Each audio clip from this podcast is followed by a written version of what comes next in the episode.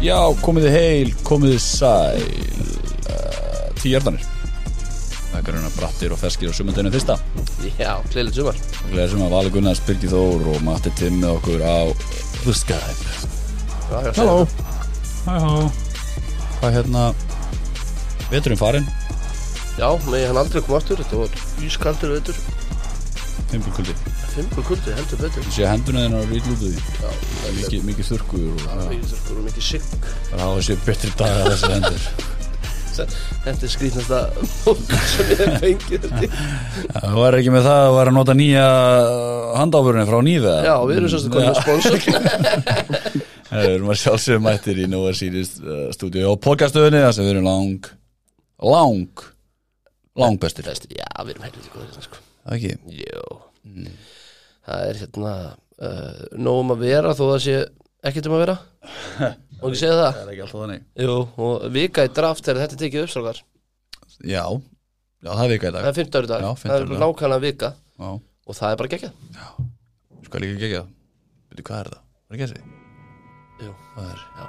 Þessi líka gegja Bam, bara Sko, þegar maður Þú veist, sumandarinn fyrst og svona. Já, og í svona veðri. Mm. Akkurat, þá bara, veist. Já, wow Það er þetta sko, já, það er eitthvað við að grilla og drekka bóla á sumrin. Ángriðs Já, líka geggja að standa á svölunum og svona vinka nákarum blæ, blessa ekki hann hvernig ertu? bara báli.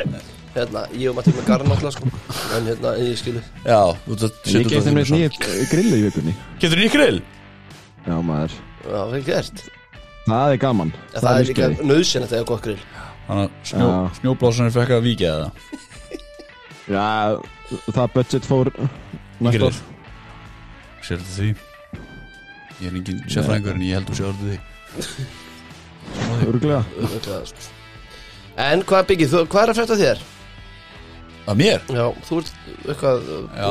Já, ég hljóp hálmarathon í dag. Já ég geggja þér 21,1 Tjúið þetta mónt maður Já, að fólk skulle stunda þetta er alveg. Var þetta ekki gott eftir? Frá, nei nei. Nei, ég er ennþá að drepa sko. Já, ok. Varum að segja, já. hey, the grind. Já, það er grind. Eins og menn Þú bara- lítur líka frábæl út. Ledu er er það? Já, ok. Eh, sumuleiðis. Nefna Ég- hendunar eru svolítið skrýtnar En annars Herri, sko, talaðu sko. En ég er þetta ekki lóð, ég er samt búin að vera Ég datt hún í kaninhólu Það er þessi AI umræði Það er gerfigrind Og veistu, ég er orðin bara hrættur Þetta er bara Skynet, sko. Þetta er bara Terminator og Skynet dæmi. Það er bara einhverju einhver, einhver gerfigrindur að búa til einhver algoritma að kunna á að drepa okkur, sko. Nei. Jú, jú. Ég ég- ég- ekkert að ég- djóka núna? Ég er ekki grinn, sko, bara frá, bara frá botni hjarta mín sko. Ok, og þú heldur þú, Það er sem því Ég held ekki, þetta er bara sem internet er að segja mér. Já, ok. Sem er ekki nefnilega gott en þú veist, þú veist bara, veist, við erum legit með nokkra heimildamyndir sem heita Terminator 1, 2, 3 og svo onward, Nei, mildamindir, já. Nei, það við getum nokkur til sé hvernig þetta, þetta Já, fer þegar já, við gefum gerurgreind x mikla segja, fr- frelsi. Já, ég, ég bara kaupið það svona að segja. Mér stendur ekki sama. Eða þú veist, ég kaupið að þú trúur þessu en- Mér en stendur ekki saman. Þið stendur í alveg ekki að saman Nei, ángris, nei, stendur ekki sama sko. Ég er alveg bara að fara að safna saman dósum í kjallarinn mínum eitthvað megin og, og Hvað ætlar að gera við dósir? Bara setja þær í þú veist, hérna, survival kitið mitt sem ég síðan Já, mennur sem þetta ekki mun að opna Ég ætla að vera bara með endurvinnslu þarna Já, ok. Ég er að tala Hvað er að þér? Ég er að tala dósamatina sko. Ok, já, það, þú bara, ég skal heyri þér. Það framlýða stendur En nú búið nú búið nú um mig og Já. mínar hérna, hjátrúir og, og Og, og paranoju Paranói, já. Matti, hvað er þetta þér? Annað en grillið. Herri, bara svo mest lítið sko Það voru 17 gráður í dag og svo ég mánuð eftir uppsagnarfrest. Já, Já. þá var ég ekki lengur að anda með reytugum Já, þetta er svolítið, þetta eru ákveðin tímamót í podcastinu Því að Matt er að skipta hérna, vinnu Og hann er að detta af hann vaktakerfi Yfir í bara 9 til 5, 8 til 4 Þannig að það verður engin þáttur án Matt á næstunni, hugsaði Working 9 to 5 Yes. Þú, alveg bara, Já, ég var að segja þér, ég var að lesa eina bestu bók sem ég lesið. Mm. Og ég reyndar að las, ég fekk tipsum hana frá Jarda, held ég. Nú, Honum Tomma, vinn okkar uh, Tanölg, nei, hvað er það? er tánölg Tánölg, já, já, Hann var hérna að tala um ykkur á hljóðbækur og ég, ég hlusta ekki á bækur, ég les þar, hitt er svindl.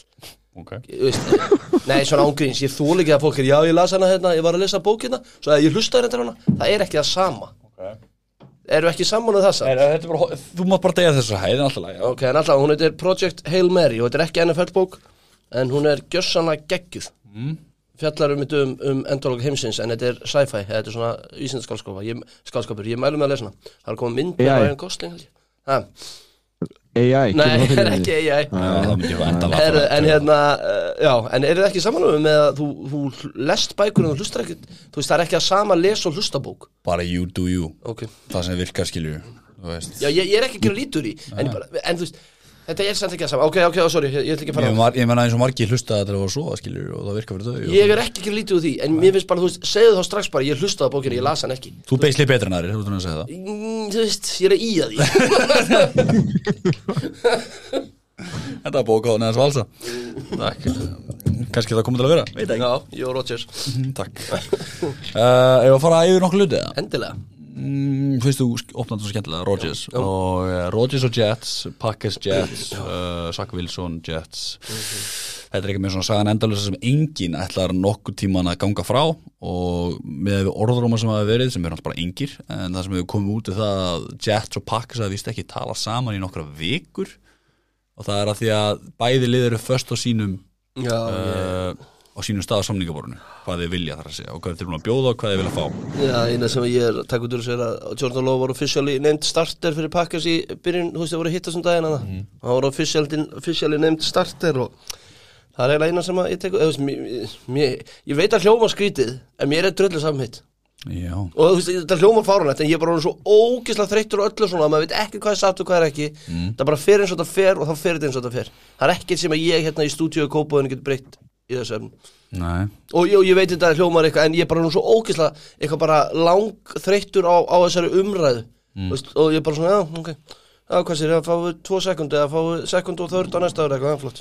Ég er alveg spennt að sjá hvernig það leist úr núna bara í næstu viku. Þetta, ég, sko, orðrómur er um að sé lungu búið að klára þetta. hljóta vilja að fá pakkan fyrir draftið, það Já, hlýtur já, að en þú vera veist, það er, það er ykkur orðum um að sé lungu búið að klára þetta. NFL vildi bara treyna þetta til að, til að sé eitthvað í gangi á örlum tíma. Og þú veist, það er, og ég meina sá Woody, hérna, vinnur okkar, hvað er hann ekki, hérna? Johnson. Jo- Woody Johnson hann eitthvað þarna hann sagði, var á okkur rally um daginn þar sem hann spurði bara, er Rodgers að koma? hann sagði bara, he's coming, he's definitely coming eitthvað svona, og maður svona, þú veist ert að segja þetta, og öll þessi tweet hjá Wilson og sem gæja mig, ég trú ekki öðru en þetta klárist, og ef ekki það bara svona, ég, ég, ég, ég, meina að ég er komið þangað, sko. Já, eitthvað þetta betur maður því Ekki neitt, þetta er orðið lunga orðið þreytt og þetta er svona just kiss already dæmi finnst manni. Já, já, góða mútur. Sko, allan að meðan ég er gaman að þessum Dolphins maður að allt sé í skrúnan hjá Jets. Já, ég meina þetta er náttúrulega stórt fyrir Jets, þeir verða að hafa kjúpi Þeir verða að, að Sack Wilson er ekki, Nei, veist, nei. þetta er bara það, svo skúta er búin að sigla í burtu sko. Já, já, en ég meina ég veit um fullt af Jetsmennu sem vil ekki sjá Rodgers, bæði út af vesenni kringum hann og líka bara hann er fertugur, skilur Já, þetta er ekki framtíð. Nei, og, og það er náttúrulega það sem hann hýður stendur í kunni, að, þú veist, eh, eitthvað með að, skil, aftur, ég nenni ekki að tala um þetta endalaust, en, en ég, svona ég vorkin eiginlega Jets mest af öllum í þessu dæmi. Já, góða mútur Herðu, hérna OBJ, hann er komið lið. Heldur betur, Baltimore Ravens.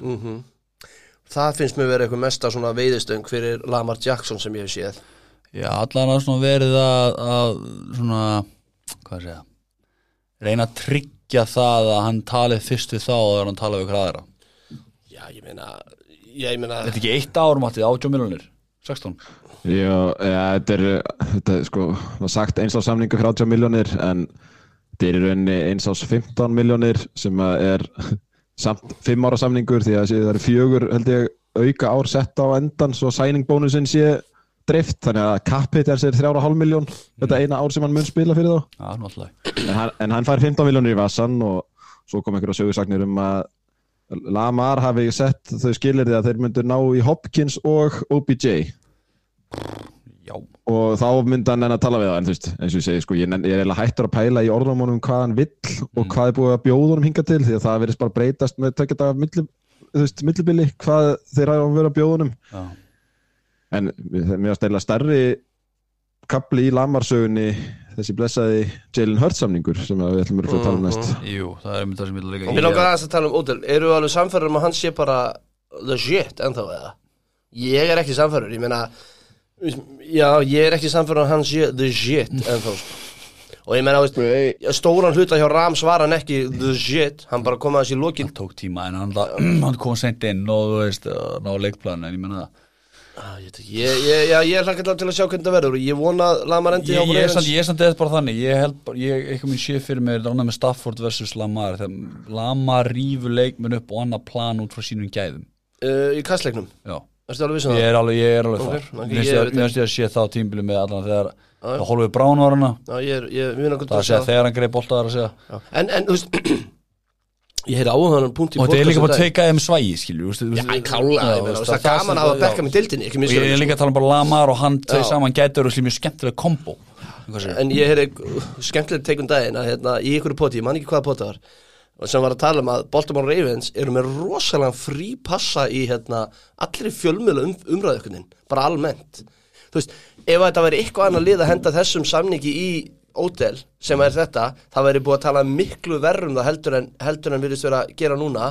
Og ef þið skoðið draftgreitið hjá Ravens undanfærin bara ligguð ára tug þeir enda alltaf með A eða A plus í draft, draftunni á sér. Og svo endar það náttúrulega bara eins og það endar með allt hitt. Þetta var bara eitthvað sem að ég hef aldrei heyrt þetta áður og mér finnst það mjög áhæfur teik að því mér finnst ég aldrei heyra eitthvað mjög neikvægt um Ravens, skiljum hvað ég meina? Skiljum hvað ég er að tala um? Já, Já, bara, bara helst þetta að þeir hafi hleyft honum á þetta takk sem einhvern part af einhverju collusioni gegn þessum fulli garantít samningum. Mín tilfling alltaf verið svo bara að, að Ravens er bara vel reikið franchise. Ég er sammála því en það er, einmitt, það er upplýsingarna sem okkur eru gefnar sem the mainstream nei, ég meina, meina nei, sko aftur, ég er ekkert endilega að segja þetta og ég er ekki að láta einhvern álhat á mig. Mér finnst það áhæfur teik Já, og takið já, eftir þetta þessu er í draftinu því sko. það- já, að því það er verið að tala oft um svona alls konar tjekka þessu, þetta er skemmtilegt. Já, ég, hérna, veistu, ég ætla að að já, já, en Jalen Hurts samningurinn. Já, hvað er með það Matti? Ég sko hann náttúrulega færi þessar hvað er þetta í heldina, ég maður ekki alveg hvað þetta er í heldina, ég skal finna það en það er 51 miljónu ári average sem að gera hann þá að launa hæsta leikmanni NFL frá upphafi. Við náttúrulega erum með þarna blessaðan 10 ára samning sem að Holmes er með en averageið er meira hjá Hurts ef við horfum á þannig. Og um, það er ekki búið að koma allar þessar tölur sem að leitast eftir. Þú veist, það er yfirleitt svona kemur á næstu dögum en ég held að þetta kikki ekki inn fyrir næsta ári eða þar næsta ári. Þessi, jú, alltaf sé ekki á næsta ári. En þetta verður, þetta, þú veist sæningbónusin er ekki hár, hann er bara 23 miljónir en hann fær, þú veist, 180 miljónir guaranteed og þetta er 51 miljónir á ári og þetta er eitthvað svona, þess að við hefum að sjá hvernig þetta er struktúrað nákvæmlega. En í heildina heitir þetta 5 ár 255 miljónir og svo er þetta að segja um það núna en ég bjóst ekki við þeir þurft að fara svona hátt með hann. Nei, við saman og líka sérstaklega sko í, eins og þú segir að þegar í miður lamar dæminu sko þá kemur þessi samlingu svolítið svona kannski ekki alveg out of left field að því ég meina Jalen Hurts hefur allt til að vera bara MVP caliber player á næstu árum en svona QB-ar eru oft þú veist þetta er svona hlaupandi QB náttúrulega svolítið og eru prón fyrir meðslum og, og hvað hva gerist þegar að missi tvö skref bara eins og það gerum fyrir fattu hvað ég meina, þetta er, svona, þetta er áhugavert að mörgu leiti sko. En mér fannst samt, sko, Jalen Hurts taka skref upp á því ár, sko. 100% enda að fara þannig samling út á því. Já. hann geggjaður í vetur. Á móti, móti hérna Gauð og Þannig að hann er ekki, Gokki hann er ekki að svona prón og það að vera svo hlaupandi quarterback hann er bæði Akkur, það minnst akkur hafa já. bæði, sko. á meðan hann mýtti við línuna þá er auðvitað að skora touchdown. Já, góður ég var eiginlega vonað að það myndi breyta þeirri reglu. Mér finnst það leðilegt, við vorum að ræða þetta í, sí- í, í fyrra. Það er, það er að segja að, að bara öll sóknarinn með ekki fara á baki á QB-unum eða bara gaurinni fyrir aftan og ítunum Móðunum áfram Já, ég- þannig að Forsten von er, ekki- von er ekki einu svona spennandi play lengur. Já. ég held að Kalli hafa nefnt það um daginn Já, já, ég maður því, góð bútur Já, og ég, hérna, ég var eiginlega vonað að myndi breyta en þeir gerðu ekki og þeir hafa svo sem eru eitthvað til þessi máls. En þú veist, ef maður að vera neikvæða með hennar samning þá þú veist, tók hann þetta stóra skref í best manna hópi NFL mögulega. Og þú veist, maður hefur aldrei séðan með, ef að, þú veist, þeir eru þurfa að fara að borga eða liðið er náttúrulega að verða svona ish gamalt, hvort að þetta þú veist, að hann tæki þá niður skref líka sko, sem er náttúrulega á móti líka á móti hræðilegu prógrami þú veist bara lélugu prógrami allt árið. Já, en ég meina vel gert hann og vel gert Eagles að ná þessu áður en að Burrow og Herbert og Lamar og allir þessi fóru að skrifa undir því að það fyrir að detti það bráðum mm. og þú veist, við sáum hvað gerðist með hérna, Prescott og Cowboys þegar þeir vildi ekki gefa henni strax samning heldur taka eitt ári viðbót þá rokkaði hans miði alveg upp um einhverja tíu miljónir sko Mhm. þannig að fínt að örugglega bara klára þetta af og, og kemur ekkert óvart ef við fáum loka tölur ána samninga þetta sé kannski bara svona þrjú ár eitthvað þrjú, fjör ár Hérna aðeins bara aftur í þessu reyðinspælingu því ég dappar hans inn í hérna draft history já, Ravens þeir eiga, þeir eiga ár, þeir eiga svona sirpur það sem er drafta ógæðslega vel mhm. uh, taka einn bara Lamar ár, er mjög gott að mig taka einn að heitin hörsendar í first já ég er að tala um greitið sko já, ég veit greiti skil, Já, já, þetta kemur rispum sko. þeir taka Lamar og Lando Brown og Mark Andrews hérna. Það var klálega. 2018. já, ég, man eftir, ég man alveg eftir nokkur dröftunum sem á hrifin sko en aftur var, ég var ekki að tala um dröftin hjá þeim heldur var ég að tala um bara teikin hjá media sko. Já, ég veit að veist, það, á, á sum- á sumum stöðum á rétt á sér en svo kemur hérna 2020 draftið Patrick Queen, J.K. Dobbins Justin, uh, Matt Buiki Devin Duvernay. Veist, þeir eiga svona sirpur skilur eins og í fyrra var alltaf lagi Lindebaum, Hamilton, David og, og, og Jobo skilur mm. það er alveg það kemur svona, kemur svona tveggja ára klukki svo ég geggja draft og svo kemur tveggja ára klukki og svo geggja já, draft já, já, ég held að sé bara nokkuð eðlilegt fyrir lið. Já, já, Mm, já, í rauninni, ég skilur, það, en- en þetta er bara minn punktur í þessu já, já, þetta var bara sko. svo langt frá mínu punkti en allt er góðu. En við erum ekki með sammála Já, Mm. já. ykkur í hana ég er að gleyma ykkur hérna við ætlum að tala um eitthvað annað. Við erum búin að tala um AI við erum búin að tala um bækurna við erum búin að tala um þú allavega að hætta, hann talaði um það. Þú ætlaði að hætta maður. Og bara íhuga fyrir sér að hætta. Þá hefur þú, hvað hefur gert? ég, já. þú ég, bara, ég veit það ekki. Nei. ég hef ekki left mér að hugsa það langt. Nei, ég er ógeðslega spenntur að sjá túa á næsta ári. Af því að ég bara er ekki seldur hann eins og ég veist og ég hlaka til að sjá hann ef hann er fókin hitt hilsu og svo náttúrulega var breyti umræðan aftur komin á stað. Hvað breyti um ræðið það? að þetta er náttúrulega að unretira aftur og hann eigi marga vin í, í, í Miami. Er þetta nýtt eða? þetta kom bara í dag. Já, þetta kom bráðan þetta kom bara í dag sko hann, ok, þetta, hann var spurður og hann sagði ekki nei. Mm, basically. Yeah, ok. Ég meina, segi ekki nei. Nei, svo. En, já, það er alltaf gott þegar að svona kemur upp. Og hugsa ég alltaf þegar Sjanna hann sagði ég get ekki lofað að við sem öll lí, á líf á morgun. Það er góður þannig að ég, þú veist, allt svona er bara eitthvað, já, ég sjáum bara til. Kemur í ljós. Já, kemur í ljós. Uh, erum við eitthvað annað? Það? ný, er ekki bara, ef ekki aðeins að tala um þessa svona helstu gæja í draftinu? Jú, Svo ætlum við að reyna að drafta, eða mokk drafta á miðvikudaginn í næstu viku sem er daginn fyrir draftið. Þannig að það hefur verið að fljóta að hlusta þegar það kemur út. Það kemur í ljós hvernig að reyna, múlur já. en hérna að. Herru, ok Við erum aðeins búin að koma nokkuð pæling hvernig að nálgast þetta. Við erum með big board og mock draft bla bla bla bla bla.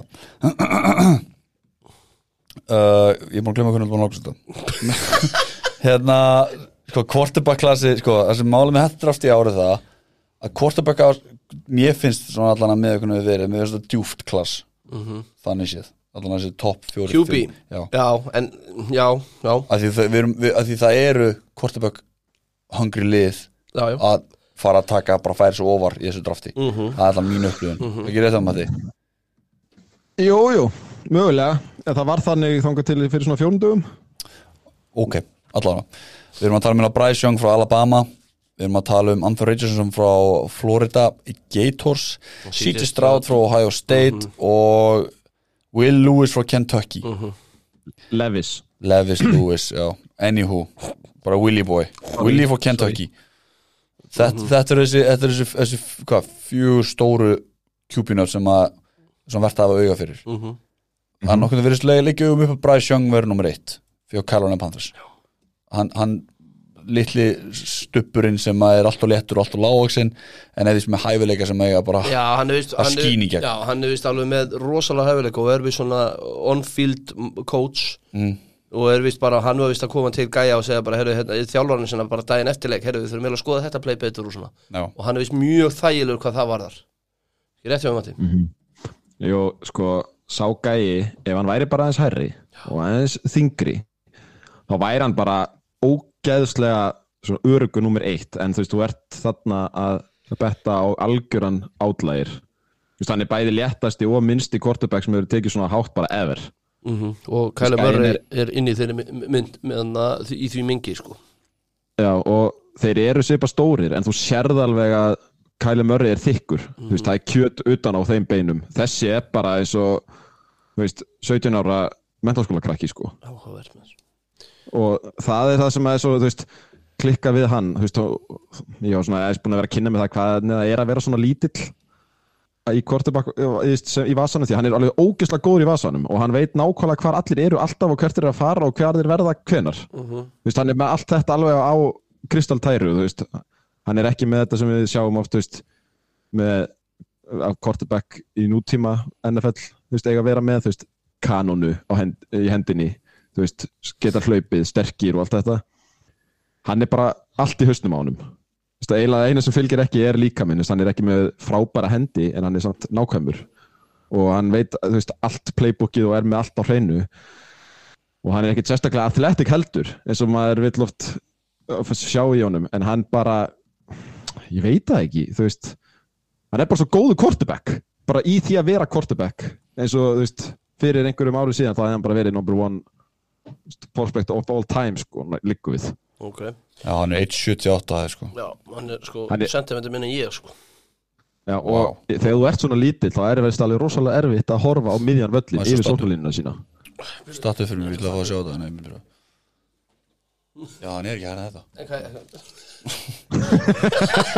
Hann er ekki hægna þetta Hérna, Jalen Hurts, bara gott að við við með Jalen Hurts um sinn 85, Patrick Mahomes sinn 88 Skilju, þetta veit að hljóðum bara Þú er bara 10 cm En það er 10 cm þetta er tíu sem En hérna, en eitt sem ég hefur verið að vekja aðtekli mína að Því að ég held að þetta sé ágt í sett upp að ég og Biggi Matti, þú ert alltaf ólinni í þessu drafti Og við erum svona, þú veist, búin að kynna okkur þetta aðeins En við erum samt svona nær meðaljartanum myndi ég segja hvað þetta var. Allt uh, Strátu hefur verið að detta svolítið niður í sem er hinn kjúpiðin sem var spáð að fara nummer eitt fyrir nokkrum vikum fannst mér hjá Shítistráð hjá Ohio State Já. og hann var að tala um hann og Bryce Young væru saman í svona skiptast á að vera first overall sko. Já, en nú, nú er bara ekki verið að mokka Shítistráð sko. Með akkur er hann þetta niður Ja, veist, hann er ekki komið með neitt stað það er verið að mokka hann út um allt þannig að hann næri einhver meðal mokki eða þú veist en sko fyrir hvað ég segja, svona fjóru-fimm döðu síðan kom allt í innu bara fóru veðbanka bara og hrund, hann hrundi niður, Bryce Young bara spratt upp í fyrsta.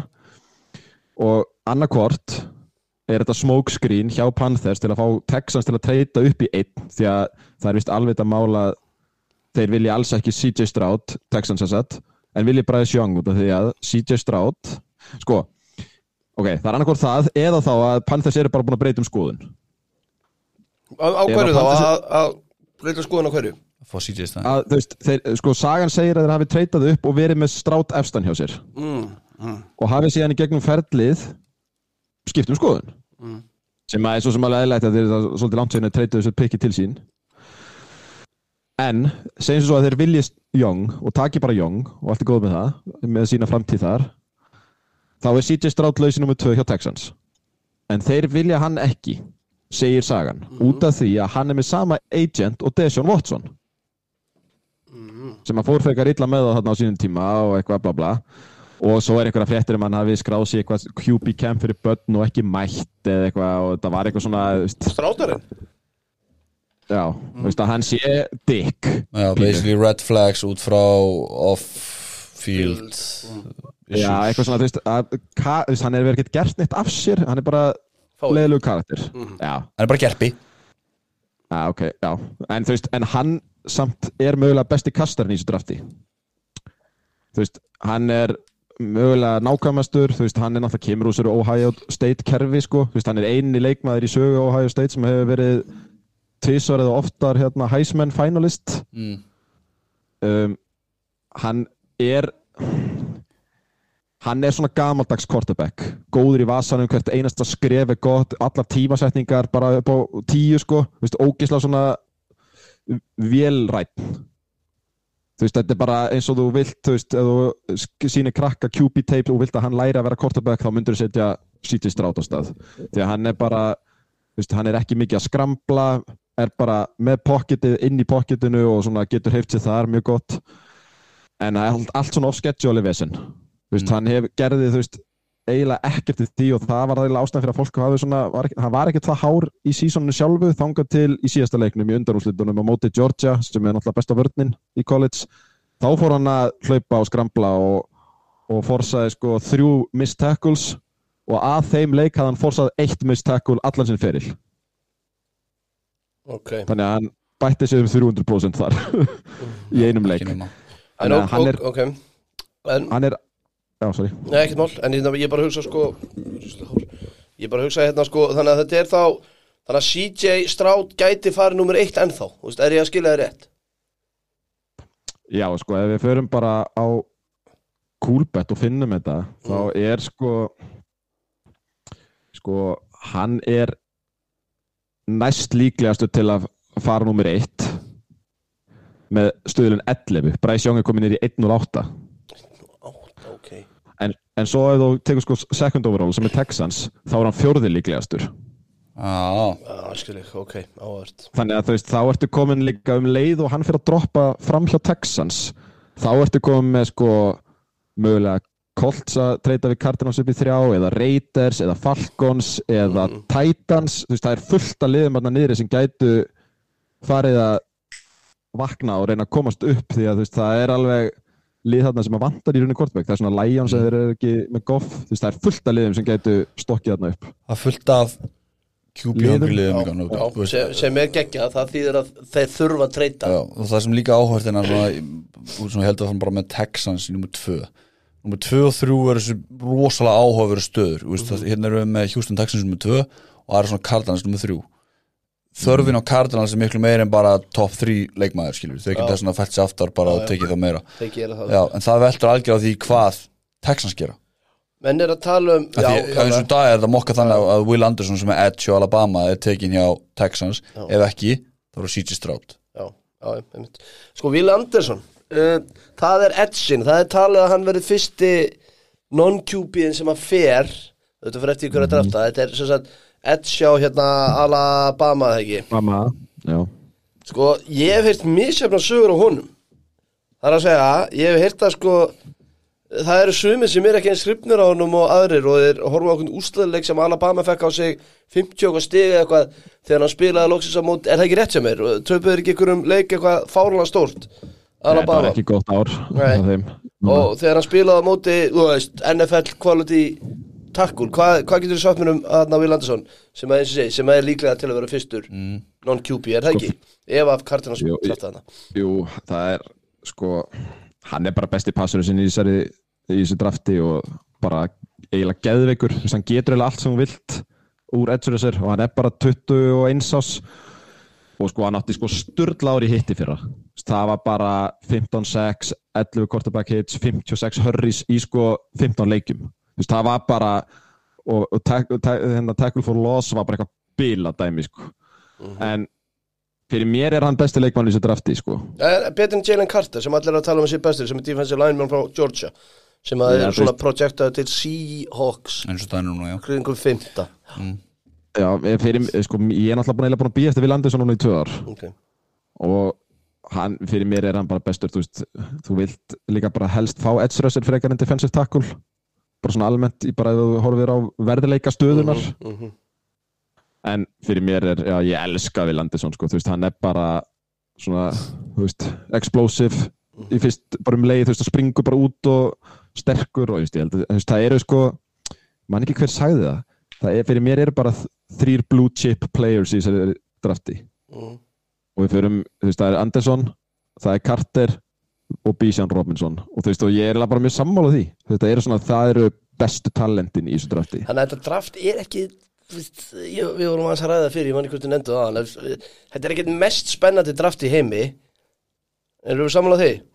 mm, það fer eftir hvað, hvernig þú skilgrinn er spennandi. Það er ekki rosalega mikið Nei, svona já, high-end Já, talent ég, ég er en það sammála, samt- ég er sammála. Þetta er spennandi en þetta er ekki svona, já, sorry. Ég held að að en gera það er rosalega mikið af ágætum til góðum, Góðum en ekki frábærum. Sem eigi eftir að hjálpa liðinu um nokkur ár en það er ekkert svona Trevor Lawrence eitthvað svona, já. Það sem gerir þetta draft spennandi í mínum með bara hrókeringar á draftstöðum. Mhm. menn sem vilja færa sig upp og menn sem vilja færa sig niður. Já, já. þannig að við erum að fara að fá sér draft nei, pina trade segi ég Mhm.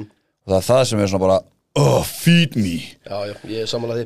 Uh, en á, að því vorum að tala um hérna við vorum gæta búin að kofera við klárum við Landersson það er bara búið. Já, við ég, þurfum ekki að tala um alla við erum nei, svona ég, ég, mér langar, taka Anthony Richardson Já, sem er quarterbackin hjá Florida Gators. Ok, það er áhugaverð prospekt af því engin nokkur teginn veit að því talenti er hana en það er svona vantar eitthvað hjá honum. Ok. Það er svona væpi sem ég fengi allan það sem ég lesi til um hann.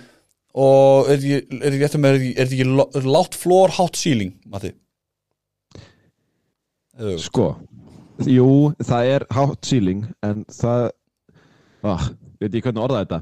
Mér finnst flórið vera hátt. Mm, og ceilingið líka alveg sko top 3 leikmaður í NFL en bara líkurnar að náu svona hátt eru svo sjúklega litla sko. Ok.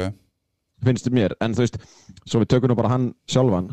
Gæin er mest athletic quarterback allra tíma sem hefur farið í gegnum kombænið mm, þú veist, við erum að tala um sko 4,43 sekundur í 40 time með 193 cm og 111 kíló á sér. QB Þú veit, QB sko. Mhm. og þú veist, það er sko er, fyrir mér er hann eiginlega quarterback 1 því það er svo mikið sem við getum gert með hann. Ef, við, ef ég er GM með rétt coaching staff. Þú veist, fullkomi body mesta líkamlega talenti þú veist, getur kasta hann í mögulega með bestu hendina þú veist, kraftmestu hendina í þessu drafti og þú veist, hann getur eiginlega bjarga þér meira en þú getur bjarga honum oft og hann getur hlaupið svo mikið. Og hann er náttúrulega með sko langa, lengsta langstökk í sögu kompensis hjá quarterback, hæsta hástökkið. Og við erum bara með allt veist, þetta er eiginlega það sem að eftir að hérna Josh Allen kom inn og allir þessir gæjar þetta er þannig gaur. Það er rosalegu skrokkur á þessum mann Já, sko, hann er, hann er, svo, hann er svo hérna Predator Já, ég mitt wow er er rosalegur sko. Þetta er ekki, og hva, hvert heldur að hvar, hvar myndur þið tippa á hann enda, endar? Í Colts? það, Já, þú veist, þú veist það er lið eru slefandi yfir öllu sem hann hefur en það eina sem vantar, eins og hann var að tala um hann Biggi hann hefur bara spilað 13 leikir sem starter í college Já. Veist, það er, það er bara, hann er bara eins og einhver orðað kolpur. Já, en ég meina við, við erum nú með svo sem meðalið sögu baku það Trey Lance hérna. Og Jep. tekin tekin helviti við hátt á sín tíma sko. Sorry, halda fram Nei, bara Trey Lance, bara tekin helviti hátt eitthvað megin og svo bara vera að shoppa hann og svona, þetta er bara merkilegt sko, hvað sér Já, þú veist, það er einmitt öruglástaðan fyrir því að fólk er svona að bremsa þú veist, þetta er prospekt ef við tökum þessa típu af quarterback þá horfa allir á Josh Allen nema Anthony Richardson er betri í dag en Josh Allen var þegar Allen kom inn í dildina Já, Þú veist, og allt, ef þú horfir hann brá hann hann er drullu góðu quarterback sem var í ógeðslega lélugu liði. Og fólk veit svolítið vera að be- bera hann saman við Cam Newton sem svona þessi típa. En Cam Newton var eiginlega betri veist, hann dró alveg frekar lélegt óbörnunlið upp á meðan að Richardson gerði það ekki en hann er náttúrulega bara reynslu laus mm. Þú veist, það er bara það, Þú veist, hversu mik mikið þólimæði hefur þú sem hversu mikið tíma hefur þú sem general manager og þjálfari til að þjálfa hann upp, hversu mikið ert, hefur þú til að gera áður og missa vinnuna? Sko, ok, nú kemur það, núna veit ég að við erum ekki með mikið teip á hann með 13 leiki eins og segir sem starter.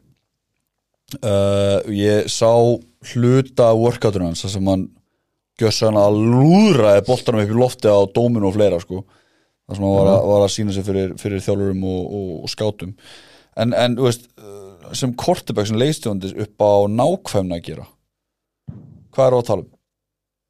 Sk- Er skortur á accuracy það kemur í rosalega miklum atrennum hjá honum. Ok. Þú veist, það, ég man ekki á móti hvernig það var. Það var leikur sko sem hann í fyrri hálfleik þá virtist hann ekki geta átt lélegt kast mm. og bara allt var gripið og í setni hálfleik þá komplítið hann þrjú af 15 eða eitthvað. Þú veist, þetta er rosalegt svona inconsistency og það er, þú veist, kemur eftir að spurningunni er það bara reynsleysið eða er það hann?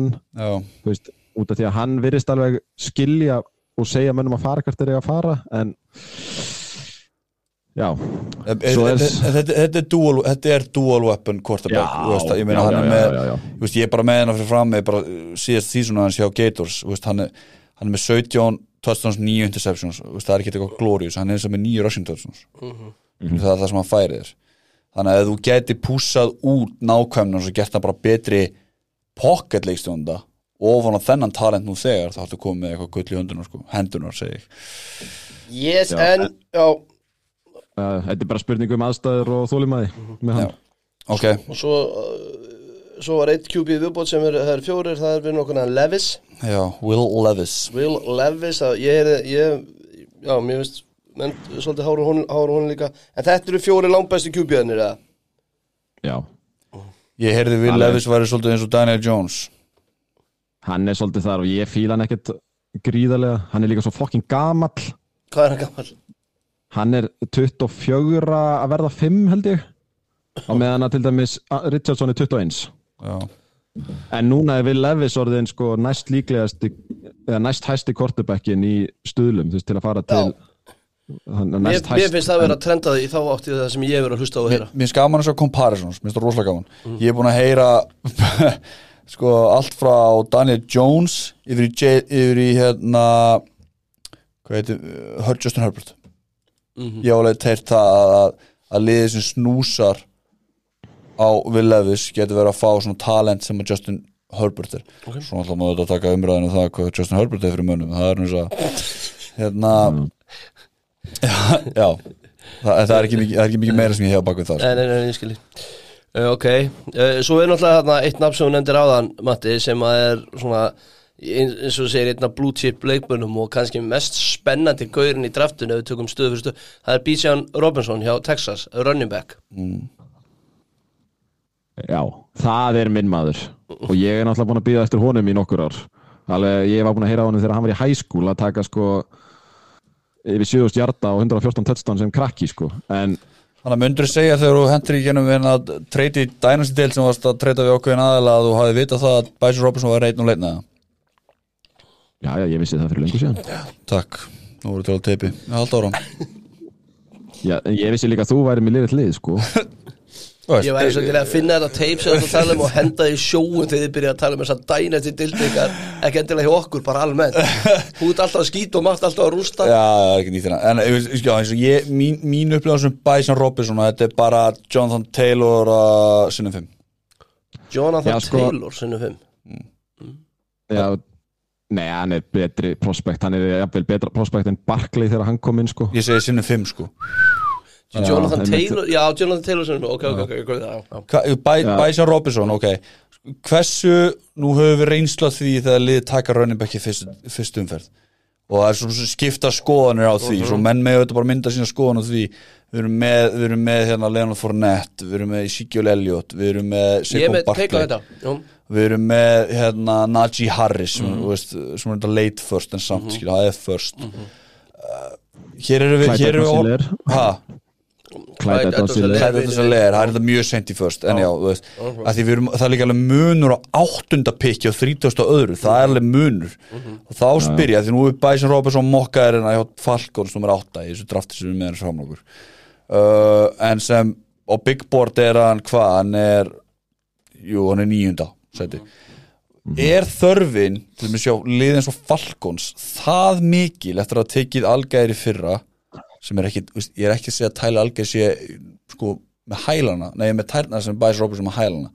En ég bara segja, e- getur réttlætt topp 10 pick með fyrir reynslu á Bæsjan Robinson En, Sko, ég er með 20 í þessu, svo skal ég lefa Matt að, að hérna, lýsa bæsjan En fyrsta lagi, mér finnst ekkit galið að taka rönnibæk kannski seint ef þetta er eitthvað projekt þá ertu með 5. árið Og ég meina, þú veist, þá ertu með Já, 50 já, já, ég er, ég er ekkit að setja þetta það að Nei, leið taki en- kannski en- eftir 20 skiljum Já, en allt, allt, ég veit það, en, en ég bara tala um sko, sem eins og ég sé þetta og þá ertu með 50 Rosson sem þú getur notað og let's face it, liði er ekkert að nota running back í dag mikið lengur en þannig að maður sé eitthvað alveg special, special.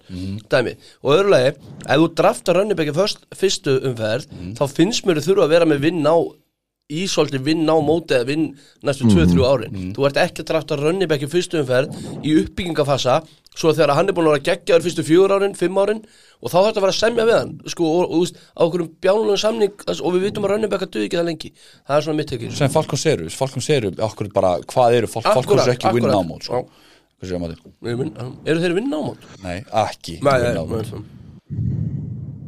Mattias, ég veit ekki Já, því sko, já, ég hef svona ákveð teik, mér finnst ef að þú ert það er svona ákveðinni típa kort, nei, running back sem mér finnst mega að fara svona snemma, þú veist, og þá er það að þú ert nógu mikið receiver svo það réttætti sig, þú veist.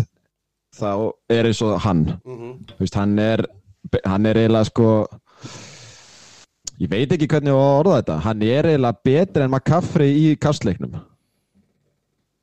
hann er, þú veist, alveg með þetta skillset, ég myndið ykkur Saquon Barkley með Christian McCaffrey grípa skillsetið Unplayable. Þú veist, þetta er alveg svona svindl, þú veist, þetta er alveg þannig leikmaður, við erum að tala um í 31 leik, þá, þú veist, í college hann var með 140 hjarta í leik og touchdown að meðatali þú veist, og gæin er bara þú veist, það er fárlegt að horfa hann. Það er eins og hann viti alltaf hvað þú ert að fara að gera tveimur sekundum áður en þú ætlar að gera það, sko.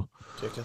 og þannig leikmenn, þú veist, geta alveg breytt öllu sóknarskímininu ef þú ert, en þetta er náttúrulega eins og með alla rönnibekka ef sóknarlínaðin er ágætt þá er þessi gæi bara besti rönnibekki deildinni eftir þrjára ykkur sko. Þessi gæi er það góður og hann getur gert allt sem þú vilt, veist, hann getur pass blokkað, hann getur hlaupið hann getur gripið, veist, hann getur, getur notað hann sem slottir síverðin þegar hann er hættur að geta hlaupið eftir eins og Valur var að segja 5-6-7 ár. Það er eiginlega svona, þú veist, ef þú nærð að draga fyrirlin hans til lengri tíma í gegnum gripin þá finnst mér að réttlæta rétt því að veist, við erum alltaf að færast svo mikið í það að kasta. Mm. en það er en eins og með hann, þú veist svo er, kemur líka bara best player available þú ert alltaf að gera það, það er það sem er sniðvast. Sama ekki drafta eftir need drafta Mhm. eftir best player available. Ef við tökum það sem allir að segja öllum að gera þá er þetta top 3 pick Já, QB need er samt annað heldur en aðra Já, need ef við tökum quarterbackana og, og það í burtu Já. þá ef þú tekur bara non-QB, best player available þá ertu með þennan sem top 3 sko. Mhm. Trótt. en svo, svo ertu náttúrulega með allt þetta inn í, inn í formúlunni með running backana en sko ég sem svona, veist, áhorfandi væri alveg til í að sjá Bísjan með Arthur Smith sem vill ekki kasta sko Já, en, já. en, og, En í nú er ég að tala með bara Falko sem tók upp tight end nummer fjögur en á sín tíma Þú veist, R.I.P. Kyle Pitts og hans Já, uh, og Drake London er nummið 10 eða ekki. Jú, jú, þú veist, þannig að þetta fara, þú veist, út frá þessum grunnstóðum í að uppbygging á liði þá er þetta ekki svona, þetta er ekki góðir burðastólpar sko. Nei. Sko, liðs uppbyggingilega séð er ég mjög á móti því að Falkons taka hann en fyrir mig og sem mína sjálfselskulegu pælingar, þá er ég mjög sáttur með hann þar. Já, ok. En, uh, ok, þetta er langt besti rönnibekkin Hver er besti white receiverin í draftunum þínum, Matti? Matti? Það er svona fimm gaurar. Jackson Smith, bitu, bitu, bitu, má ég spyrja henni bara? Eh, veist, undanfæra ár það hefur verið svona veist, ákveð þemu í dröftum og ákveðin position sem eðlilega bara, sem eru bara með ríkjandi drönnu eins og við fengum hérna white receiver kóra sem C.D. Lamb og, Já, já. og fleiri voru og hérna Jamar Chase og fleira núna finnst mér upplunni verið eins og white receiver kóri í ár er svolítið eins og QB klassi var í fyrra. Þetta er bara rækjur. Já, couple of shrimps. Ok, en, versus, en er- svo, svo á móti kemur að minnst cornerback klassi í ár. Já. Mjög bara þygt Og og, tight- flott. tight end- og tight tætend end, já. ekki með byrja á því sko. En hérna, já, já, cornerback en já, klárum klárum what receiver. Eh, Hver finnst þið að vera bestur, Matti? Já, mér finnst það að vera Jackson Smith in Jigba frá Ohio State. Mér finnst það alveg klárlega þú veist, það er gæi sem að hefur alveg það potensiali að vera bara besti slottir sér í deildinni. Já, bara, veist, það er gæi sem að hann hefur ekkert að top end speed sem allir er að byggast eftir, hann er bara svona alltaf læð þar eiginlega bara, já, freka góður. En allar svona snerpurhefingar og allt svona gera allt á staðnum er bara geðvikt þú veist, við, hann svona datt pínu undir radarinn í fyrra út af því að hann var mittur en í hitti fyrra þá var hann með hérna, Chris Olave Se- Garrett Wilson og hann sem vætir síðukorið hjá Ohio State og Marvin Harrison Jr. sem kemur næsta ári sem er betri en allir en hérna hann var besti leikmaður, spilaði best í hitti fyrra af þeim, Ok, þú veist, en svo glemdist hann svolítið í fyrra út af að hann spilaði bara einhverja tvo leiki eða eitthvað en þessi gæði er sko, þú veist, hún er með verið líkt við Amon Ra, St. Brown, Julian Edelman þú veist, aðeins léttar í Michael Thomas, veist, þannig típa sko. Áhugavert. og hann er svona, veist, hann er ekki samt þessi vætri sífur eitt sem allir er að hugsa um þessi Julio Jones, Mike Evans típur sem við sáum, veist, þetta er allt gaurar sem er í kringum 80 kíló. En það sem við viljum þegar við heyrum prototypical vætri sífur eitt, þeir eru allir í kringum 98, þú veist, DK Metcalf er 107, Debo Samuel 98 við hefum uh, hérna, AJ Brown 103 kíló. Þessi eru allir bara 15-20 kíló léttari þeir sko. Já, Já, við skil. Áhugaverð, svo er þetta Trey Flowers, nei hvað heitir hann, hann hérna Sayflowers Say Flowers, ekki Trey Flowers, en hérna já, áhugaverð, en það var hérna Þór, spurði okkur á NFL Íslandi eða ekki, með cornerback dæmið þarna, mm. þú veist hvað er hérna, að því við vorum með mock draft á NFL Ísland síðinni, Mm. þar sem að hver máttu velja sitt lið og það voru bara fullt sem að tóku þá þrygg, þrjárum fyrir takk fyrir Matti, allavega, og hérna, það voru sjö mismundi hérna, cornerbacks eru verið að taka í fyrstu umfyrinni Mm. í mock draftum út um allt. Hvað hérna, er þetta bara svona rosalega gott, gott hérna cornerback class sem við erum með núna? Já, við erum sko með líka drullu skemmtilegt. Ekki bara gott heldur alveg svona veist, bring back the diva í cornerback stöðuna kemur núna. Það, er, það eru þarna nokkri sem eru bara veist trestolkandi bara þó þeir fáa sig touchdown sko, veist, það er alveg þessar típur að koma og jú, það eru alveg tveir svona sem ég finnst alveg yfirbúra góðir og verða alveg topp 10 pick í þessu drafti. Devon Witherspoon frá Illinois og Christian Gonzalez frá Oreg Oregon. Og svo kemur Joey Porter Jr. með sína NFL blóðlínu þann inn. Já, annar er að fer til Lions nummer 6 myndi ég ekki sko. Já, það er mjög líklegt. Já, Sko, sko, er, Devon Witherspoon mhm, djöfull er það skemmtilegt að horfa á hann. Ok. Þess, það er bara gaman.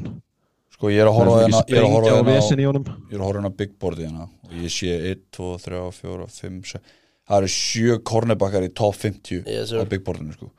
Það er mikið. Mm. Ég er líka, ég, er líka bara veist, það er mjög spennandi að sjá, sérstaklega því að eftir að Lions hérna treytuðu frá sér hérna hvað heitir hann cornerbackinu sem tóku í first round og Kuta Jeff Nei, Okuda? Jeff Okuda til Falcons. Þá einmitt er bara svolítið augumljóst að þeir eru að fara að taka cornerback hana hvort sem að sé Christian Gonzalez Já að Devin það, það var alveg vöntun á því hjá þeim Já, líka, sko. og ég meina, og þetta er bara, þetta er bara eiginlega ítur undir það að það verði cornerback tekin hann að snemma hjá, hjá hérna, þannig fyrra pikkinu hjá, hjá Lions og það, þá um þeir hrifina eins og segir, þetta eru trash talkers þetta eru svona gæja með þor og, og gritt og Já, en sko, þú Stælar. Við erum að tala um þess að Jeff Okuda var tekið nummer þrjú overall sko. já, þetta var, ma- þetta Ég var svo Matt, spenntur fyrir honum sko Já, þetta var Matt Patricia þeirra, sko þetta var að það er eitt, það er eitt, Já, það það er er sko meittur undir Matt, Matt, Matt Patricia sko. En- En over underið á Gulbett er að það séu 5,5 cornerbacka teknir í first round sko. Er ég ránað með hvað er- kúlbettum er mikið að bettum í kringum þetta? Já, ég bara þetta er heaven on earth hérna sko Já, það er jafnvel að þú sjóði saman eitthvað það ekki jú, það verður gaman En, en hvað áttur að koma á óvart? Hvað haldið þið? Þú veist, er eitthvað svona, þú veist Haldið þið eftir eitthvað að springi á, á okkur eftir að koma með hérna Raiders nummer fjögur Hvað heitir náttúrulega Colin sem er komin í nænis núna Hann, Kellen hérna, Farrell Já, hérna Haldið þið eit- eitthvað eftir að sprengja? Eitthvað? Sko, ég held að þetta verði mest að sko, þetta er eitt af þessum dröftum sem ég held að allt verði í algjöru kaosi. Ok, þegar við komum, þegar, byrja, þegar klukkan byrjar, veist að um leið og eitthvað gerist, þá fara bara allir snúningar á stað og allt út um allt og við verðum svona, veist, munið þegar AJ Brown var treytaður og maður var reyna að fylgjast með því öllu saman plus pikkin og þetta var eitthvað svona algjör þvæla. Ég er svolítið að vonast eftir því núna. Það verður hugsanlega bara tilkynnt þarna ef, ef þetta treyt fyrir gegn það verður náttúrulega að gera það ef við ætlum að fá pikk í ár. En þetta gæti verið á morgun ef við erum sekundir en, nei, er eftir. Ég er með tvent Sko, sem ég ætla að fá að pitcha sem ég er mikið áhuga á því ég er mikið áhuga á Karlana sem er þrjú. Já, hvort þeir bara mm. gjössamlega æli yfir sig á stressi og pikki bara eitthvað eða hvort þeir færi sig. Það því ég get alveg, með einhvern karlun svo reknir í dag, þá verður pottil bara eitthvað panikana já, getur þið gett tekið kikkar eða eitthvað, nei ég segi svona hérna, en svo líka nummer 11 Tennessee Titans ok. Ég er mjög spenntur að sjá hvað Tennessee Titans gera og tala um líka með Derrick Henry. Þeir eru að reyna að treyta Tannahill já, og það er umræðan. Og, og, Derrick Henry, sko, já. Þannig að þú veist færa þessi aftar, færa þessi ofar þú veist, að því að ef að, ef að CJ Stroud og Bryce Young fara að snemma þá get ég alveg séð eitthvað stemmingu Anthony Richardson í, með third overall picki sko. Ok, Já. ok, áverst það er það sem ég bara ég er mjög spenntur bara strax í upphæði Já, eitthvað liður frá að æla á sig í þessu drafti. Já, já. Ég held að það sé liðið sem draftar Hendon Hooker ef að hann fer í first round Já, svo ég meina að heyra 50 það líka. Þessi Hendon Hooker, þetta er sem að Commandersu heiti fyrir núna, ekki rétt um mér? Eða Vikings líka. Það er QB í, já, það er sem sagt það er 20, og- það er gæi sem að er sko, hvað er hann gamall? Hann er eitthvað fáránlega gamall. Vist, hann, er, hann, er, hann er að vera 25 ára líka spilar ekkert á næsta ári út af hann sleitt crossband Já, já. Og þú veist 25 ára. hann er svona all þetta, hann er svona típiskasti svona kortebekkin sem að allir hafa lágt þangað til að það er að fara að koma drafttími þá fyrir hann að rísa því að kortebekkar þurfa að rísa. Mhm. það er þessi gaur. Munið ekki eftir þegar Carson Wentz allt í hennu mætti þarna? Jú, já, það já. var enginn að tala um hann svo bara svona tveimu vikum fyrir draft og bara skust hann upp einhvern veginn í umræðinni Mhm. Þetta er svona pínu hann en ég hef enga trú á Hendon Hooker bara sorry. Herri, En, en Stetson Bennett. 26 ára gamlega kvortabökkinu herri, en annað, hérna, að hvort liðan ykkar er með pikk í fyrstum, er það ekki rétt hjá mér? Já, það er ekki að því við viljum það sko. Það var bara rifið í burtu frá okkur. En er ekki rétt að Niners og Dolphins, ja, þið er náttúrulega svindluð, en er ekki Niners, Niners er ekki heldur með pikk eða? Vi, við erum ekki með pick í fyrstu hundraðaldi Shit, þú ert samt, ég dáði staðið fyrir að nenni þessu, en hérna, hvernig fannst ykkur pikki mitt í, í hérna mokkinu með að, að pakkast ekki Titan með nummer 15? Hvað tóku við? Það er skemmtilegt. Dalton Kinkett hérna. Uh, Ég er eiginlega að vona samt, ég, það, því ég var, svo fór ég aðeins að lesa mig meira til, þetta er náttúrulega ekkit litla helviti stressi að drafta í þessu draftíma, svo ef maður er hálftíma eftir þá má bara komið morðóttunar bakið, en hérna, það var annar hérna, Daniel Washington er líka í mjög skotin í honum Titan, það því að þetta Titan klassi er svolítið stert, sko. Herri, taldu, taldu Dalin Washington að Þú skulle segja með þetta er Teddy og Georgia eða ekki Jú, jú, jú, Já, það eru menn að tala um bara hérna Laramie Tunsil moment mögulega í draftinu nú með honum. Já, það er verið að hinta að eitthvað, eitthvað muni geti komið bara upp á alvöru? yfirborði bara on, on draft day sko Ok, hann er svona blocking Titan líka, minnir mig. Já, fyrir- en sko, hann er fáránlegur Já. bara Ok. þessi líka með meikar ekkert sens Já, Þú ég veist, hann er sko hann, ef hann, mynd, þú hann er með, hann er með hérna, er stærsta vængkaf sem að hefur sést bara í kombæninu. Já. Þú veist, það er bara milliputt og sko þú veist, þetta er sko hérna, ég var að lesa eitthvað scouting uh, report þetta er svo horf á Shaq O'Neal á, á NFL-leik Eh, Þetta er Washington veist, ve- þetta er bara uh, sko, við erum að tala um það að hann er tight end en hann er í rauninni tackle. Og þú veist, það gæti alveg verið að hann sé svona eins og Lane Johnson draftar til að vera tight end en sem hann bara breytist hann yfir í tackle.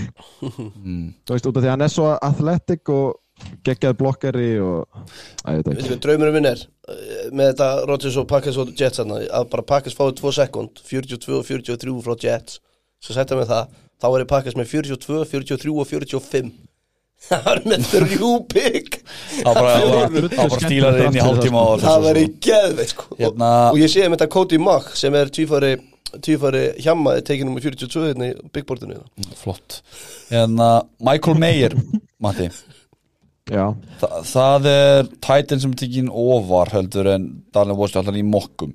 Hann tekin hérna hjá í 2021 hjá Chargers þessu og Chargers vantar veist, núna kemur við með svo veist, með Titan að snemma veist, við, þessu umræður tekin áður í þessu hlaðvarpi að fyrsta ári hjá Titanum er oftast fyrstu þrjú árun já, jafnvel það talaði um að það tekið þrjú ára að læra einmitt. Uh, Getur sem Chargers með svona mikla vöndun í þessu stöðu tekið Titan þannig já, já, hann er rosalega góður og eiginlega besti svona red zone targetið í þessari, í þessu drafti. En hann er líka svona besti allsherjar tætendin eða Vist, hann er svona uh, góður í öllu en frábær í engu. Hinnir eru svona, þú veist, meira blocking, meira passing, en þessi er bara svona heilt yfir ógeðslega góð tætend ég veit ekki að þú skoða bara, ég held að síðustu 10-15 ár first round tætenda, það er bara sama safnað af einhverjum kjúklingum sko. Mm. Þú veist, TJ Hawkinson er mögulega svo besti síðustu 15 ára sem hefur verið draftar og hann var bara góður í fyrra sko, Já, eftir að hann var Já, treytaður nákvæmlega sko En- En, en en, að en, en ég er spennt ég, ég er spenntur fyrir starti sko. Já, eitt, eitt punktur hérna með Vikings umræðan að ég sé hérna hendan húka yfir nokkur eh, mokkaði 23 hérna hjá Vikings.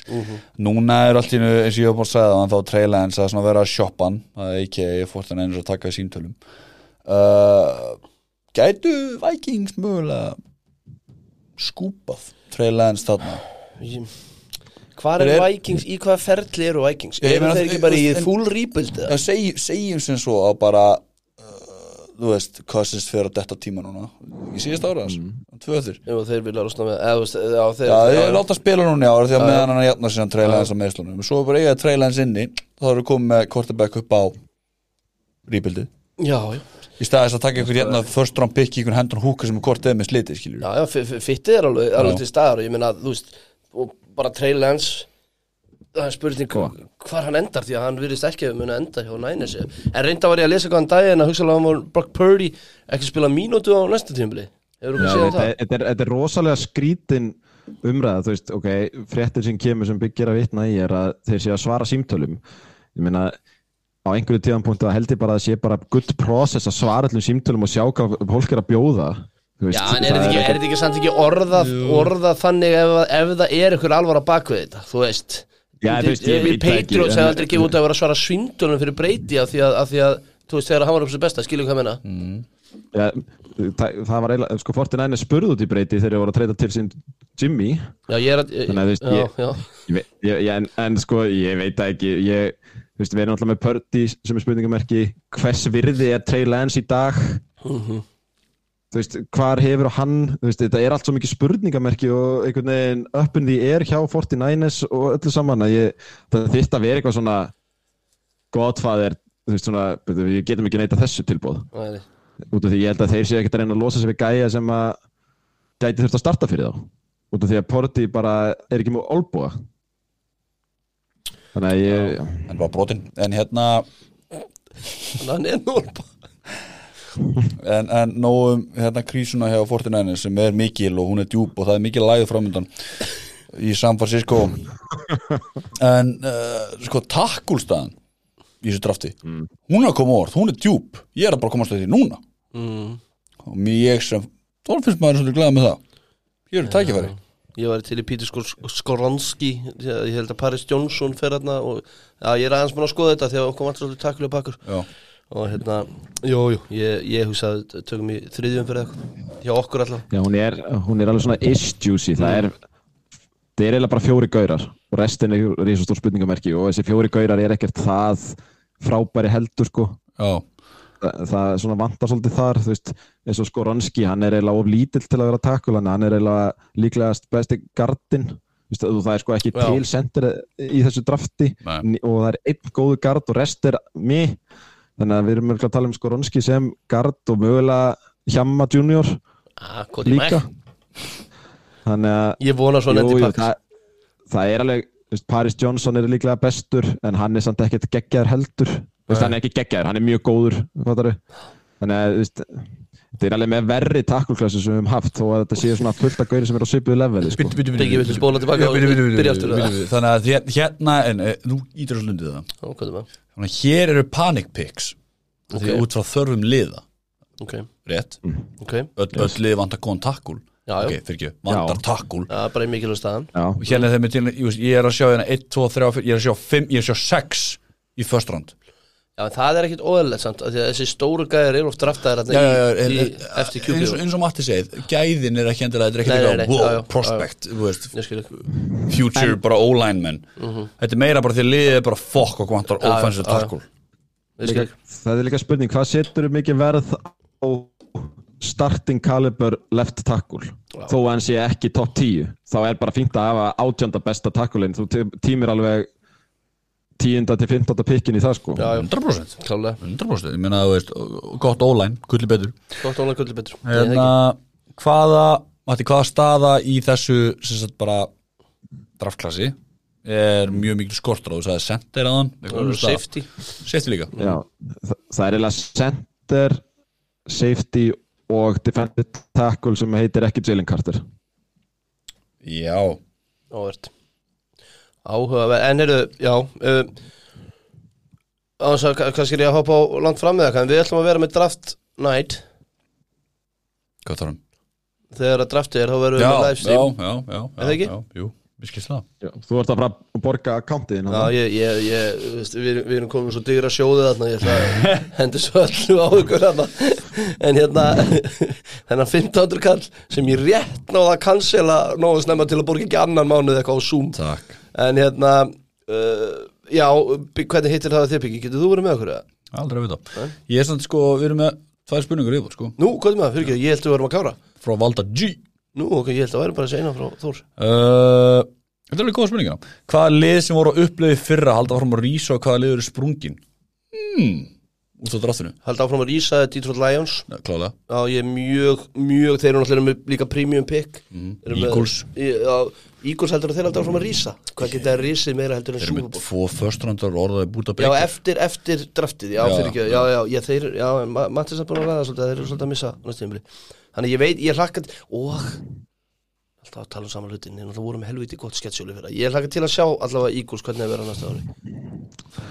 Ég ætli sko auðvelda svarið er náttúrulega klárlega liðin sem að taka first round quarterback.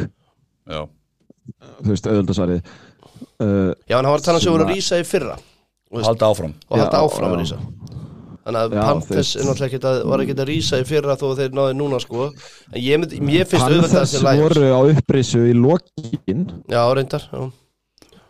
Mér finnst Lions alveg uh, easy answer þarna. Ok, ég ætla að segja Seahawks líka. Já, Já. Já, rétt. Með sín tvö Já, Jets? já, já, já, já. Það er að gá- er svo sem að þið ganga frá Rodgers Ég Já. meina, jú, það er ekki framtíðin Ég meina, þau Já, ætla já, klálega og, og, og Rodgers í hendarhug hljómar alveg ágætlega sko, ef hann tekur þann gýrin Jú, ég, finnst- já, Jets, Lions og hérna hitt sem vinnandi sem var Seahawks. Seahawks. Og leið sem er sprungin New England Patriots. Uh, Hvað er lið sem er sprungin hver, hver er setni liðan á spurningunni, Sværi? Hvað liður sprungin? Bara hvað liður og hvað liður sprungin? Ég er með, ég- er með svolítið hot take lið sem er reynda að kemur upp að kannski ljósa á- næstu tímpili en það er Buffalo Bills. Ok, það er mjög áhört, eða Bolt kannski frekar. Já. Skemmtilegt. Skemmtilegt. Ég gaman að er- Já. það er ekki alveg að kaupa Herru, jú. að Jaguar sinni upprisuna Já, Jaguars líka. On the rise. Já, hvað pikkar þið með? Þeir eru með 24 24 Já, Við taka, þeir eru mokkað tight end.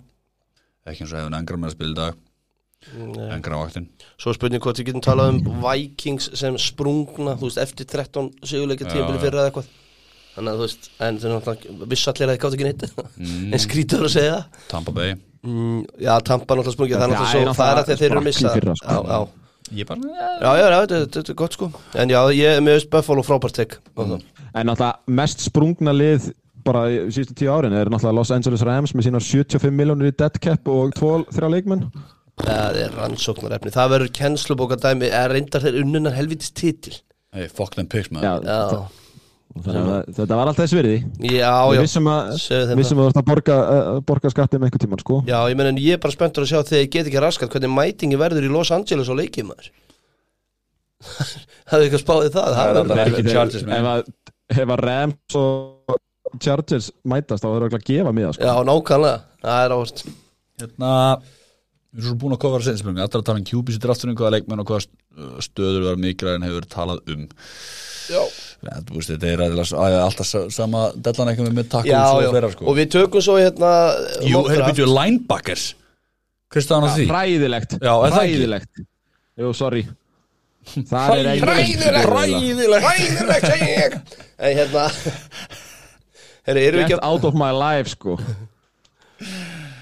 Byrjuð hvað Hvað er hvað þú veist, Talaði við með hana Hvað er að tala um Sko, ég er ekki viss um að fara í linebacker í fyrstu umferð ef ég man þetta rétt. Það eru nokkri svona sem að gætu sníkað inn í fyrstu umferð í lokin, svona fifth year option dæmi. Mm. Það er Drew Sanders frá Arkansas, svo ertu með sko mesta old school linebacker bara í heimi og hann heitir líka bara Jack Campbell og kemur frá Iowa. Og þetta er sko, þetta er típiskasti linebacker sem þú sérð, bara hann getur ekki varist kastleik. Hann er bara, hann er svona 40-50 mánum úr steinn Já. Veistu okkur þetta er Að því ég drafta hann fyrir Lions. Í rán 2 í mokkinu. Já, vel gert. Hérna, Fyllir upp í hólunar talandi um mokk, erum við ekki að fara allir að drafta og svo tökum við meðal position og hvernig leikmann er bara ekki? Já, veist Er það ekki sniðut? Ég býstu því. Við erum ekki, við erum ekki að fara að vera Tökum lið. Ha, er það? Er hitt ekki, Ég- er það ekki svolítið, uh, verður það ekki bara fimm tíma þáttur eða? Ég veit það ekki. Nei, já, ok, já, Þetta er ástokkuð þú ekki að sjá En það er er Já, þarf eitthvað að halda utan um það það er rétt sér byggjum við erum hérna bara út af þér Heyrðu, hvað gerir ég hérna? okay. Herru, hvað segir? Bara Bara frá að glemma ykkur Matti, viltu koma inn eitthvað fleiri? Ég veit þú ert komin eitthvað meira en eitthvað sérsta sem þú ert komin á. Nei, ég raunin ekki. Ég vona bara að fólk hafi lært eitthvað af þessu. Þetta er Já, bara já. til að kynna fólki nöfnin og svona. Hvað getur gest Svo bara stimpla okkur inn og svolítið síðan að við mætti vorum í síðasta þátt og gaman að heyri ykkur og við ætlum að reyna að vera aftur innan viku. Innan viku, já. Allan að planið mm og svo náttúrulega verðum við með að gera upp þetta eftir draftið og, og vonandi hittu ykkur sem flest á Zoom fundunum okkar er Matti með okkur það? Matti, ertu ekki með okkur? Jú, að sjálfsögðu Það sjálfsögur með okkur. Það er ekkert að gera svo Nei, ég er að reyna að tengja með hana að því að, það er búið að taka þætt út hjá okkur út af tónlist og svona þetta má ég- á ennþá eftir að þetta þann þátt sem við búið að taka út en þú fær, veist, mér um þetta hér. Ég veit alltaf því ég fæ póstaðum þetta Ég reyndar ekkert mikið að hlusta kannar þetta samt. ég er að, ég er að sinna brunnrústunum sko. herru, ég og við strákunum er búin að detta hennar nýtt bandina sem heitir Sleep Token. Allan ég og Kalli. Er þetta eftir nú ný Já, er þetta þetta sem við sendum um daginn hann já, Jésús, ok. Alveg band.